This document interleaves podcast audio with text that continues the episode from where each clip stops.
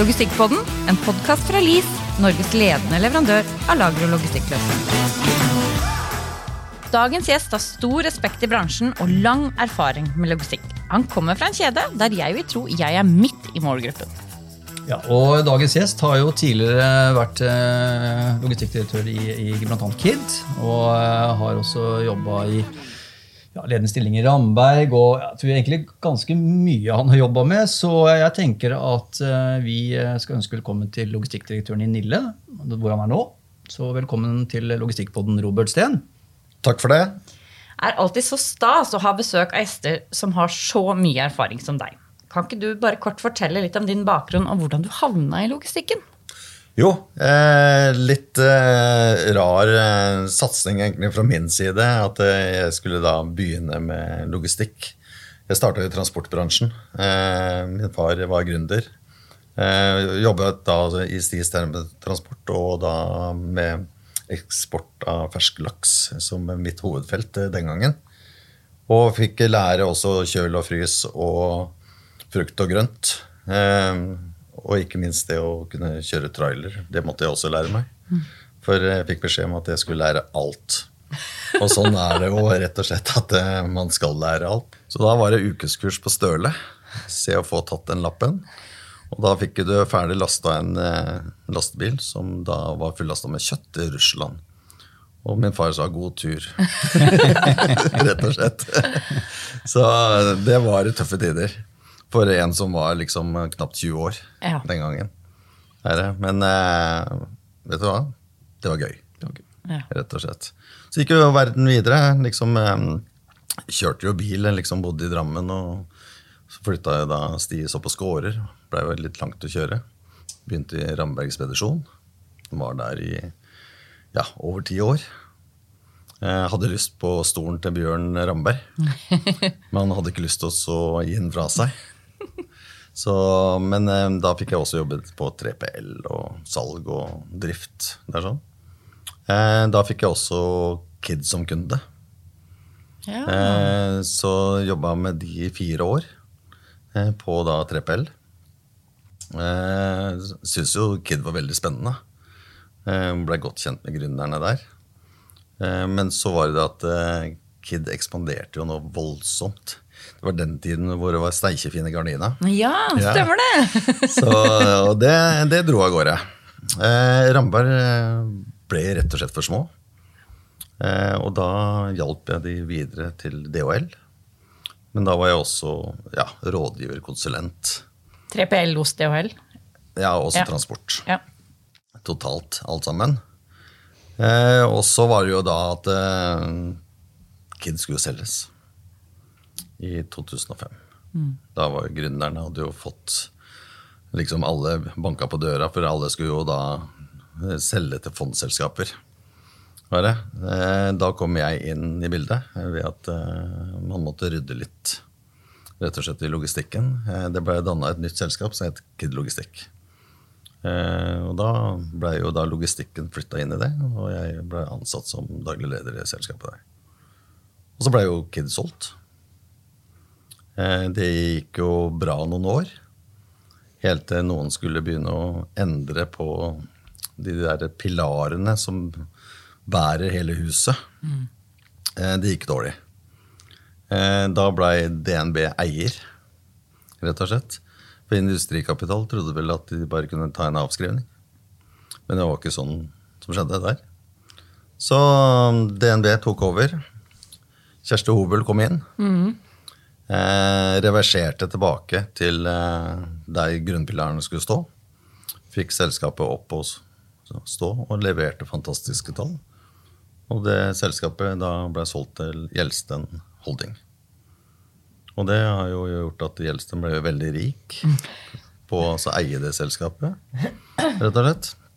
Med børsnotering og det hele. Så det har jo vært en suksesshistorie, i hvert fall for eh, eier. Og ikke minst at uh, Kid er eh, blitt en flott, fantastisk kjede. Eh, gjort mye rett. Eh, vokst videre i Sverige. Oppkjøp av Hemtex. Endringer liksom på Hemtex mot eh, ja, vise hvordan Kid ser ut. Så stor tro på at de skal lykkes også videre eh, på det. Så, men 16-årig kid var jo egentlig ganske nok, det også. Mm. det handler liksom om at når du har runda alle ting, og du ser at eh, ja, eh, hvordan er hverdagen? Går den på rutine? Eller har du lyst til å gjøre noe annet spennende? rett og slett. For logistikk handler jo om også å ha det gøy, rett og slett. Så da mm, fikk jeg liksom gleden av å kunne begynne i Nille. Og så halvere reiseveien samtidig. Og så kjenner jeg jo mange mennesker i, i Nille også. Ja, for sjefen eh, er jo den samme som eh, redda opp i Kid. Det er helt riktig. Så vi kjenner hverandre liksom på og liksom hvordan vi jobber, eh, på godt og vondt. Eh, er jeg er jo en veldig direkte person. Jeg legger jo ikke noe imellom på hvordan jeg vil ha det. Det er greit å skynde strømmen. Det er det. Men det, det var jo liksom spennende. Jeg syns Nille er veldig spennende. Ja. Eh, og så er det fortsatt mye å gjøre i Nille, rett og slett. Eh, Det er som jeg sier, liksom, Nille er for de snille.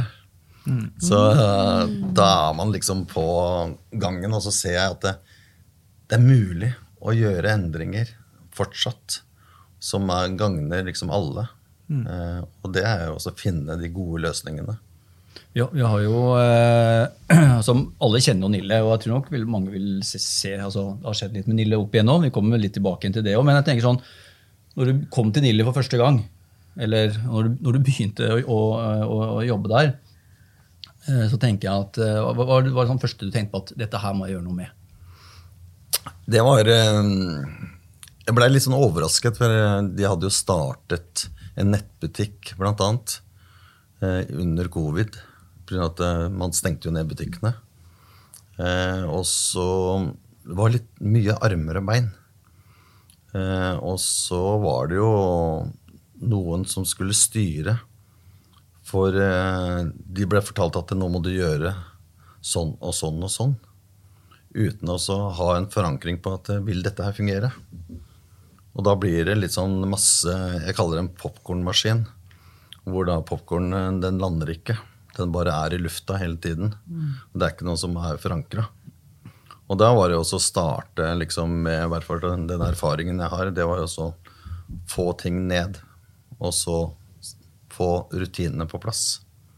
Rutiner må alle andre også ha meg selv også, rett og slett. Eh, Vi må vite hva vi skal gjøre, og det var å fortelle hva skal du gjøre nå. Og det var også å ta et eh, møte med alle sammen, fortelle hvem du er, og så begynne å se og snakke med menneskene. Du må få en oversikt. Hva er det, Hvordan jobber dere? Hvordan ser det ut? Eh, har dere tillit til ledelsen? Tilliten var ikke der. Nei. Eh, når eh, 2018 så tok banken over. Eh, det var store avdelinger. Eh, det ble jo rydda. Eh, og det er klart at det, det, man skaper en usikkerhet eh, for både jobben sin, og så ble det veldig en måte å styre butikken på at eh, du skal gjøre sånn, du skal gjøre sånn, du skal gjøre sånn. Og så er det ikke alltid at det er riktig. Og hvis det var noen som eh, eh, sa noe, så var det kanskje at Er du dum, eller? Det var liksom svaret.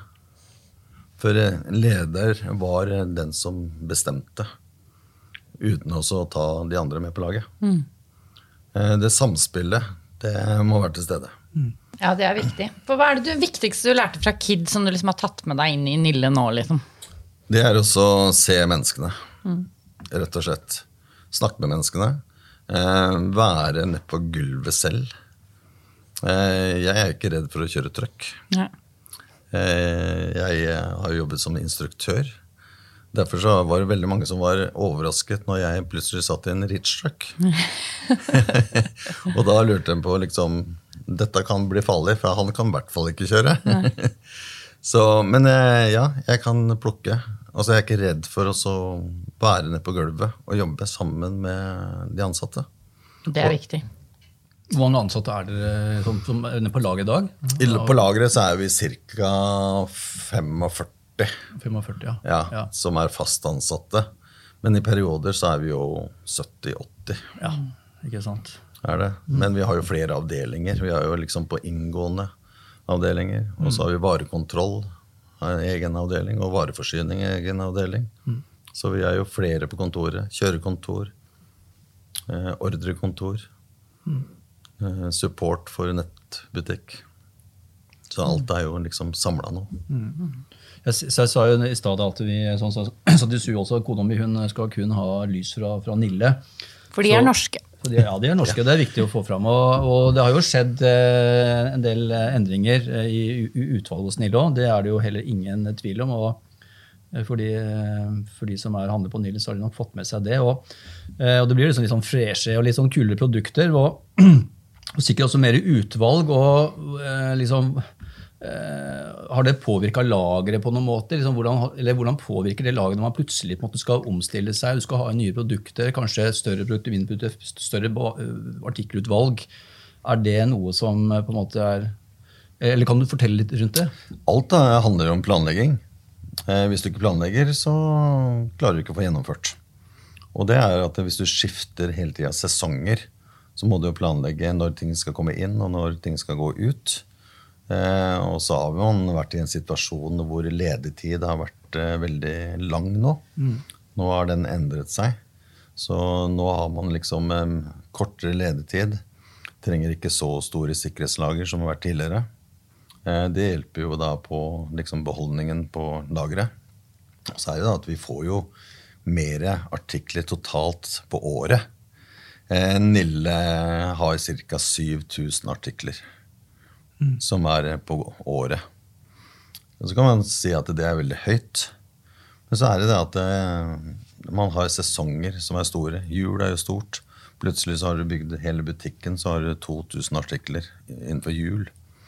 Eh, For det er jo julekuler, nisser, alt mulig papir, eh, innpakning som er. Og ingen er større enn dere på halloween. Halloween er stort. Og den er jo veldig kort periode. Eh, Den er jo, trykket er jo én dag, og så er den over. Da er den død, rett og slett. Mens jul kan du jo hele tiden dra utover. Sier du det? Pås, påske. Eh, Det, påsken starter jo snart Ja. på konsum. Eh, For nå er du ferdig med julegodteriet. Så da Kommer påskemarsipan. kommer påskemarsipan. Det er ikke lenge før. Nei, nei. Uke fem, tenker jeg, så er vi der allerede.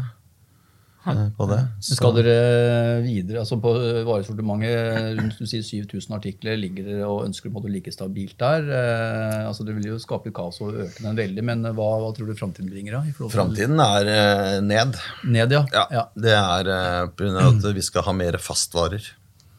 Ja. Du skal kunne gå i en Nille-butikk, og så vet du at ja, de produktene her de vil alltid være der. Men de vil kanskje ha for ulike farger ut fra sesong. Om det er vinter, eller om det er vår eller sommer. Høst.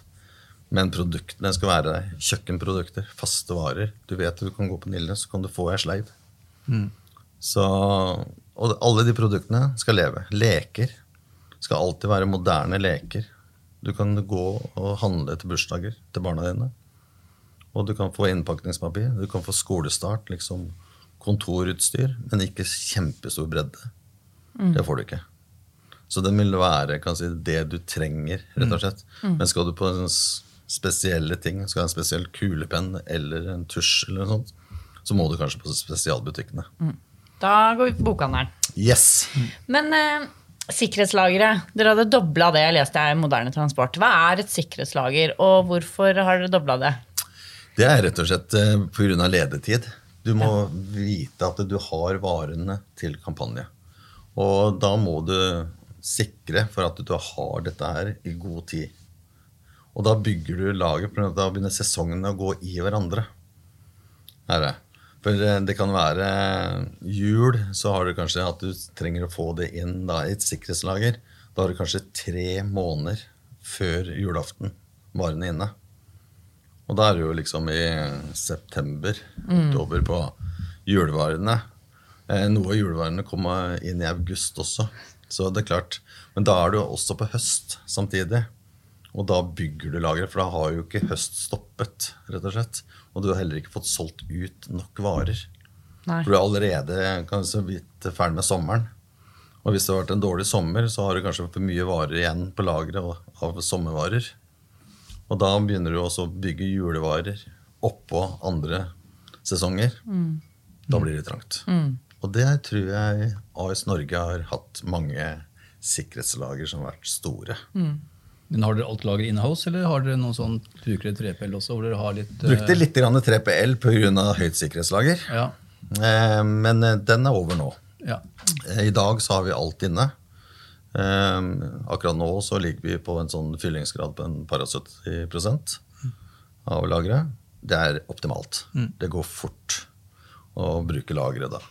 For da kan du vareplassere i soner, og du kan plukke i soner. Du kan plukke inner på faste områder. Og da trenger du bare å rydde i faste områder. Alt går mye fortere. Det er ryddig på lager òg. Jeg har vært og sett, så eh, Hva syns du sjøl? Eh, Det er sånn det skal være. Ja. Eh, Det er rett og slett eh, sånn du bør ha det hjemme. Rot skaper rot, rett og slett. Mm. Og da får du heller ikke de ansatte til å rydde heller. Hvis du bare har rot. Ser det. Og så har dere jo eh, også det her med nettbutikk, altså retailerne og altså mange så det her med nettbutikk og eh, skal man satse, ikke satse. Eh, Hva, liksom, hva, tenker du rundt nettbutikksatsinga til, til Nille? Eh, Vi satset jo nytt i 2022, nettbutikk. Men nettbutikken den skal være et supplement, rett og slett. Vi har jo 312 butikker. Eh, Du finner alltid en Nille-butikk eh, på en plass. Men eh, nå er det jo mange som shopper på nett. Og så er det de som ikke ønsker å gå ut for å handle, men kan sitte og kose seg og netthandle. Der skal vi være. Et godt supplement. Vi har vel ikke kommet helt i mål på software. Litt mye bugs i et nytt system. Barnesykdommer. Det ryddes opp, eh, men det er klart eh, Nå før jul så var det jo krevende å ikke være 100 oppegående på netthandelen. Eh, Det skaper jo litt sånn frustrasjon ved at du får en backlog, rett og slett, i systemet. Men vi jobber med det. Vi vil satse ytterligere på nettbutikken.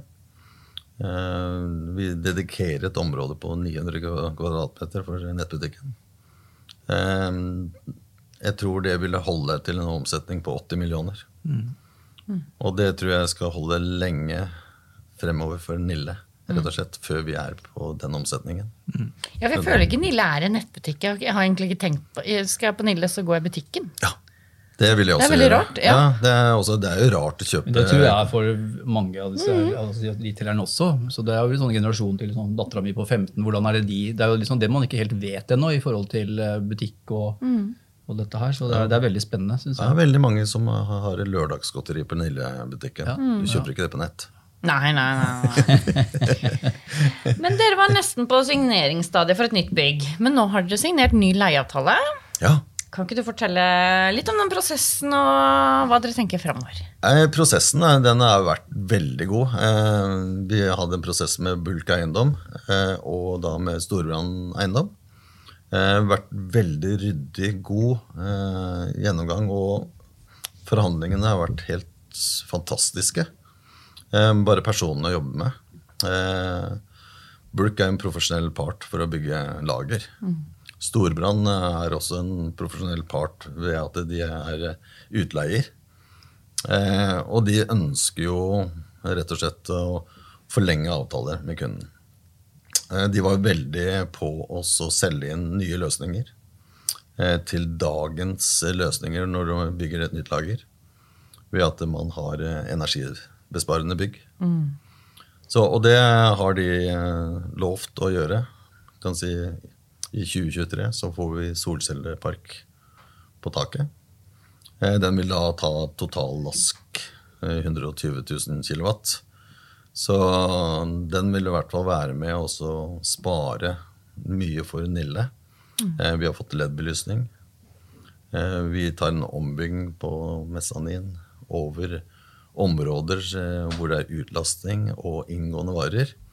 Hvor takhøyden er 12 meter, og vi bruker ca. 2,5 meter til pallene. Hørtes kjent ut.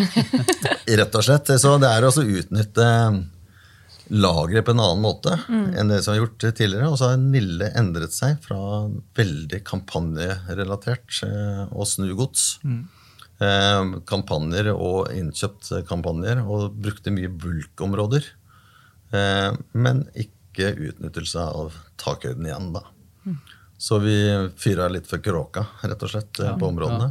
Det er flere som har gjort det. Men, men jeg tenker også det her med, med solcelle og jeg vet ikke hvor, mye kunnskap hvor du har vært inne i det, da, men, eh, men eh, det å på en måte fra andre logistikkbygg liksom, Er det bare å smelle opp noen solpanel på taket, liksom, og så er det gevinst i det, eller er det Nei, Det er jo som Storbrann. Jeg er jo veldig fan av de, at de ser jo på hvem som produserer de solcellepanelene også. For man har jo Kina-paneler, hvor da kan si det kan være en del ulovligheter som foregår. da. Barnearbeid og ikke sikring. For det, er jo produkter som kan gi varige skader hvis man ikke har eh, verneutstyr eh, under produksjon. Så Storebrand har valgt å bruke mm, REC-paneler. eh, Som virkelig er tatt godt vare på under arbeidsforhold. og De er noe dyrere, er det. Men eh, de vil heller bruke det og ha kan si, et godt grunnpunkt. Jeg blir så glad når sånne store tar sånn eh, ansvar, altså. For det er å ta bærekraftig alle ledd på ansvar. Virkelig. Eh, ikke bare late som, men ja. virkelig velge leverandør med omhu. Ja. Det Og det, ja. og det er rett og slett at eh, man eh, går ikke alltid etter det laveste pris eh, for å få gevinstene. Men de tar rett og slett den som du sier, bærekraftige ansvaret. Et samfunnsansvar da, som de rett og slett velger å ta. Og det, det liker jeg å høre om, og ikke bare lese om i en eller annen rapport. Det er helt riktig, og der er det også en Nille langt fremme. Rett og slett på å redusere plastforbruket totalt sett. Både på lager, eh, for vi sikrer en del paller med plast oppe i høyden. Eh, og der bruker jo nå eh, kan si, spesiell eh, type plast, da, eh, som da er nanoteknologi, for å redusere. Eh, og da trenger vi ikke wrappe pallene liksom dobbelt. Nei. Det holder med én runde rundt. Eh, vi ønsker også å gå vekk fra europaller. Trevirke. Ja, Hva skal dere da? Da skal vi bruke kan si, gjenbrukt plast. Ja. Så stablebare plastballer. Eh, det er en del investeringer på dette her også, men eh, det er en payback. Eh, på tre til fire år så tror jeg vi skal se at vi har gevinster fremover. Og så er det en helt annen type håndtering på både for ansatte som skal håndtere For alle vet jo en blaut europall. Den er ikke god å håndtere. Ja, så kommer det vel, altså, Vi har vel noen kunder som har sånne type kasser også. sånne eh, resirkulerte også, Sånne du kan sammenleggbare, som du kan ta, frakte fram og tilbake. Så Det fins jo mange miljøtiltak. Og, som, måte, det koster jo litt å starte med, men eh, gevinsten, hvis man klarer å tenke litt lenger fram, så, så tror jeg det er lurt. Eh, jeg tenker Vi må jo også snakke litt om det her med for altså Som alle, alle snakker dette er på lageret med liksom effektivitet og liksom, hvor skal man plukke og løsninger. og Skal vi automatisere, skal vi ikke automatisere? Og, og det er jo, eh, Noen hiver seg på en bølge, og noen gjør ikke det. og Vi som jobber med dette her, er jo alltid forundt noen ganger på kunder som gjør noen valg som vi stusser litt med. men eh, Uten å nevne hvem og hva og sånn. Men, men i, tanke, i, i forhold til automasjon hva, hva tenker du rundt det? Eh, sånn, litt, sånn, litt sånn generelt, og selvfølgelig også litt for Nille sin del. da. Ja. Eh, jeg har brukt automasjon. Jeg har investert i automasjon. Jeg følte at det var veldig riktig den gangen. Hvorfor var det riktig? Eh, det var riktig pga. at jeg hadde et trangt lager. Eh, og så hadde jeg kjempeflaks på at det kom en pandemi og nedstenging av butikker. Eh, hadde jeg ikke hatt automasjon, så hadde jeg aldri fått eh, ut eh, ordrene på netthandel. rett og slett. Jeg klarte også å få gevinsten på å gjennomføre så mange ordrepakk ved at jeg hadde automasjon. Men anlegget ble jo kjørt eh, 24-7 på det. Utfordringen er når skal de berømte robotene lade, rett og slett. At eh, du må jo varepåfylle eh, kassen også. Eh, og så skal jo roboten jobbe igjen for å preppe, for å ta ut ordre. Eh, så døgnet får eh, for kort timer, rett og slett, når du har for mye. For de er jo satt opp til så og så mange varelinjer å håndtere. Eh, datakrasj er jo en utfordring eventuelt. Du kan bytte et eh, systemrekk eh, og starte opp på nytt igjen. Eh, men hvis en robot har selvmord, som jeg kaller det Det er dramatisk. Ja, men vi kan gjøre det. Ja. Rett og slett. De krasjer. Ja. Og dør. Da har du en utfordring. Da kan du stoppe hele anlegget. Men da får du ikke ut noe som helst. På et lager så kan du i hvert fall håndtere. Ved også å kjøre trøkk og løfte og få systemene manuelt opp og gå. Få varer ut. Og så kan det være at det, det har vært en eh, liten flopp med automasjon. Alle skulle på automasjon. Alle skulle ha det. Alle fortalte at det er lønnsomt. Det er ikke lønnsomt for alle. Rett og slett. Eh, De som det er mest lønnsomt for, eh, elektro, smart. Sport, smart. De har små enheter, kostbare enheter. Fort gjort å fylle ei kasse. Men skal du på automasjon, så må det planlegges. For du må tilpasse ytterforpakningen til de kassene som er i automasjon. I hvert fall hvis du skal ha type autostoranlegg. Slik at du kan ta av topparket, eller på kartongen, enkelt, og plukke rett ut fra kartongen. Istedenfor å tømme varene oppi en kasse. Eller å pakke det ned i en kasse. Har du skjøre artikler, så er det klart at det tar tid. Eh, Det tar like lang tid kanskje å fylle de kassene som å plukke ut av kassene. Og den er det ingen som bruker i beregningen sin. Nei, det er ikke med regnestykket. Helt riktig. For det man snakker jo bare om ordre ut. Ja, ja. ja, ja. Antall varelinjer, hva som skal gjøres, og hvor mange ordre du klarer å pakke. Ja. For det er varelinjer som den du klarer å håndtere på så og så mange roboter. Det er det man snakker om. Eh, men ta med alt i regnestykket, så kan det være at det ikke regner seg hjem. Men hvis du setter antall ordre ut gjennom anlegget, og priser den veldig høyt, så får du gevinst. Men så skal du sammenligne med f.eks. den vanlige ordinære plukk. Eh, via liksom eh, voice eller skanning på lager, hvor du da pakker paller direkte. Klarer du å legge 80 varelinjer eh, per time på en som plukker manuelt, så klarer du ikke noe fortere i automasjon. Nei, så det ligger på deg, liksom, din erfaring på det dere har? Det Ja, I liksom, dag så ligger vi på ca. 80 varelinjer. Ja. Eh, og da har vi ikke tuna. Vi kan tune ytterligere opp. Eh, det kommer vi til å gjøre. Vi kommer til å se på VMS-systemer for framtiden. Vi har jo liksom eh, systemer som har vart lenge. Det har skjedd veldig mye på systemer i dag. Webbaserte systemer og smarte systemer. Eh, hvor du kan eh, få utrolig mye talldata ut. Slik at du kan håndtere varene raskere ut, rett og slett, på det. Det tror jeg vil være i hvert fall Nille sitt eh, kjært barn i framtida. Plukke smartere, på en måte. Ja. Ja. Mm. Det Klart VMS-en har jo, har jo mye, å, mye å si. Eh, for vi har jo mange som på en måte altså, å, å ha et VMS det er jo på en måte nesten automatisere, og du får prosessen der i Altså, vi har såpass mye varer som er kan si, tunge, skjøre og lette. Så det må jo da ligge også riktig på lageret. Eh, vi må også pakke riktig på pall, mm. slik at eh, dette ikke velter. Eh, vi pakker jo pall for pall, så butikken vet jo hva hver pall inneholder. Så når du skal ha tak i en eh, vare for å pakke ut på butikken, så går du riktig på A- eller B-pall med riktig sendingsnummer. Så finner du f.eks. tyrelys mm. ligger på B-pall med det og det sendingsnummeret. Så du trenger ikke gå gjennom åtte paller for å finne den kartongen Nei. med tyrelys. Det, det, det er bra. Hva tror du mange logistikksjefer gjør feil i dag? Er det noe de glemmer å ha fokus på? Det kan være at de starter eh, med å se hvordan kan jeg spare eh, mest mulig, fortest mulig. Mm. uten også å satse seg inn i alle elementer eh, som eh, kan påvirke lageret. Mm. man ønsker jo å ta de frukta som henger tilgjengelig, fort. Eh, og så er det jo at eh, man eh, kanskje tar litt for raske avgjørelser.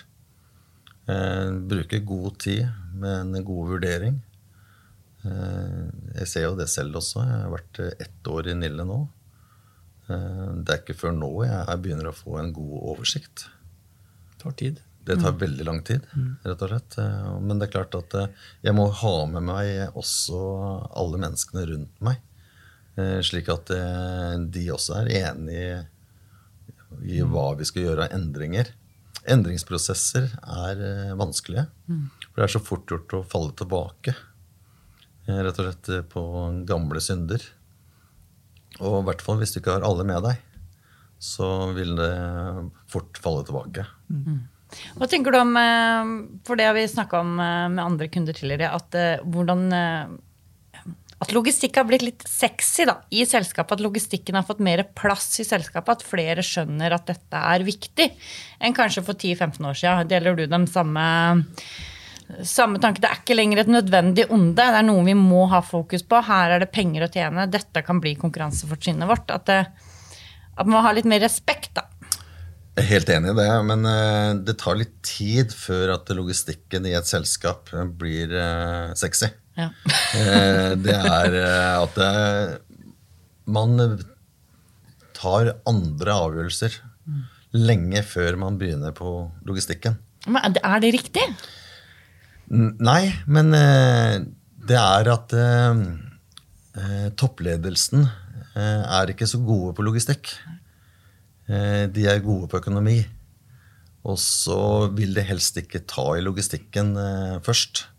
For eh, den, den ruller og går, og varene kommer ut i butikker, og alt går i skjønneste orden eh, liksom, på dette her. Eh, og så er det et onde hver gang man skal ha ny trøkk, eller liksom kostnadene på det. Men så er det det at ok, det koster så og så mye. Man har transportkostnader. Ja, det er blitt dyrere også. Så logistikk eh, den er, har en bit av kan si, kostnadene i selskapet. Og så ser man at eh, ok, ja, den ligger på 5% eller 10% 15% Og så ja, det er det det koster. Eh, Men når man begynner å se på smarte løsninger, f.eks. at man trenger automasjon i selskapet, eller at man trenger også gjøre investering, eh, så må man jo si at investeringen gir payback. Altså, det handler jo om liksom MMM. Make more money. Yes. Godt sagt. Eh, ja, så eh, det her med fredagsleveringer Hopper jo kanskje litt fra logistikken, da, men, eh, men eh, dere hadde jo eh, fredagsleveringer til butikkene. Så har du stoppa det. Ja. Har dere ikke det? Hva, hva, hva var grunnen til det? Nei, altså, vi er jo en leverandør til eh, drift. Også butikkene er jo våre kunder. Eh, og så det hadde vi operert som en eh, tredjepartsoperatør, så er det jo kunden som bestemmer, eh, og ønskene de har, rett og slett for at de sier at eh, vi kan selge mer varer i butikkene våre. Av at de ansatte ikke står og pakker ut varer. Og så er det at det, i dag så har man en kjernetid i en butikk. Eh, leveransene av varer kommer på dagtid. Kunne man ha levert varene på natta og fått eh, liksom, eh, noen til å jobbe for å pakke ut varer, eh, så hadde det vært optimalt. Men det skjer ikke. Nei. De lastebilene står og stamper i trafikken, står i kø. Kommer innenfor en kjernetid. kjernetid. Og får leveranser av de varene som du skal selge på fredag-lørdag klokka fire på en fredag. Hvor butikkene er full av mennesker. For det er store salgsdager. Fredag-lørdag. Eh, Da er alle mennesker ute for å kose seg mot helgen, og lørdag så er de og har en handelsopplevelse. Da kan vi ikke stå og pakke varer. De varene må være i hylla. Så fant vi ut at eh, la oss prøve Eh, Det er klart det presser jo organisasjonen eh, med kort ledetid. Eh, fant ut at kostnad er bedre å ta på logistikken enn at du har en høyere kostnad i butikk. Mm. Derfor så skal butikkene være ferdig styla på torsdag. Med nye varer inn. Det er Det smart, eh, ja. smart grep, altså. Ja. Før vi runder av her, så um, Vi har ganske mange studenter som hører på denne podkasten. Så um, har du noen råd til eh, studenter eller eh, nyansatt logistikksjef? Eh, ja, eh, jeg satser på unge mennesker. Jeg har ansatt tidligere masterstudent rett fra skole. Eh, suksess. Eh, de har jo gått på skole for å lære eh, noe nytt og tenke nytt. Eh, å få en ung hjerne til å komme inn i en logistikkbedrift, det er smart. For ungt og gammelt, eh, da kan man dele erfaringer. Og så kan man bygge opp, og så trenger man ikke å finne ut og gå i de store fellene eh, som eh, sånn som jeg har gjort. Etter 40 år i logistikkbransjen så har man gjort eh, ganske mange feil. For eh, hvis du ikke har gjort det, så har du i hvert fall ikke gjort jobben din. Nei, det er, det er eh, helt riktig. Så jeg syns det er viktig å satse på unge, fremadstormende logistikere. Rett og slett, For de er smarte, de er gløgge på det, og de er fremoverlente. Mm. Så sats på ungt, og hjelp de, rett og slett. For de er gode på data.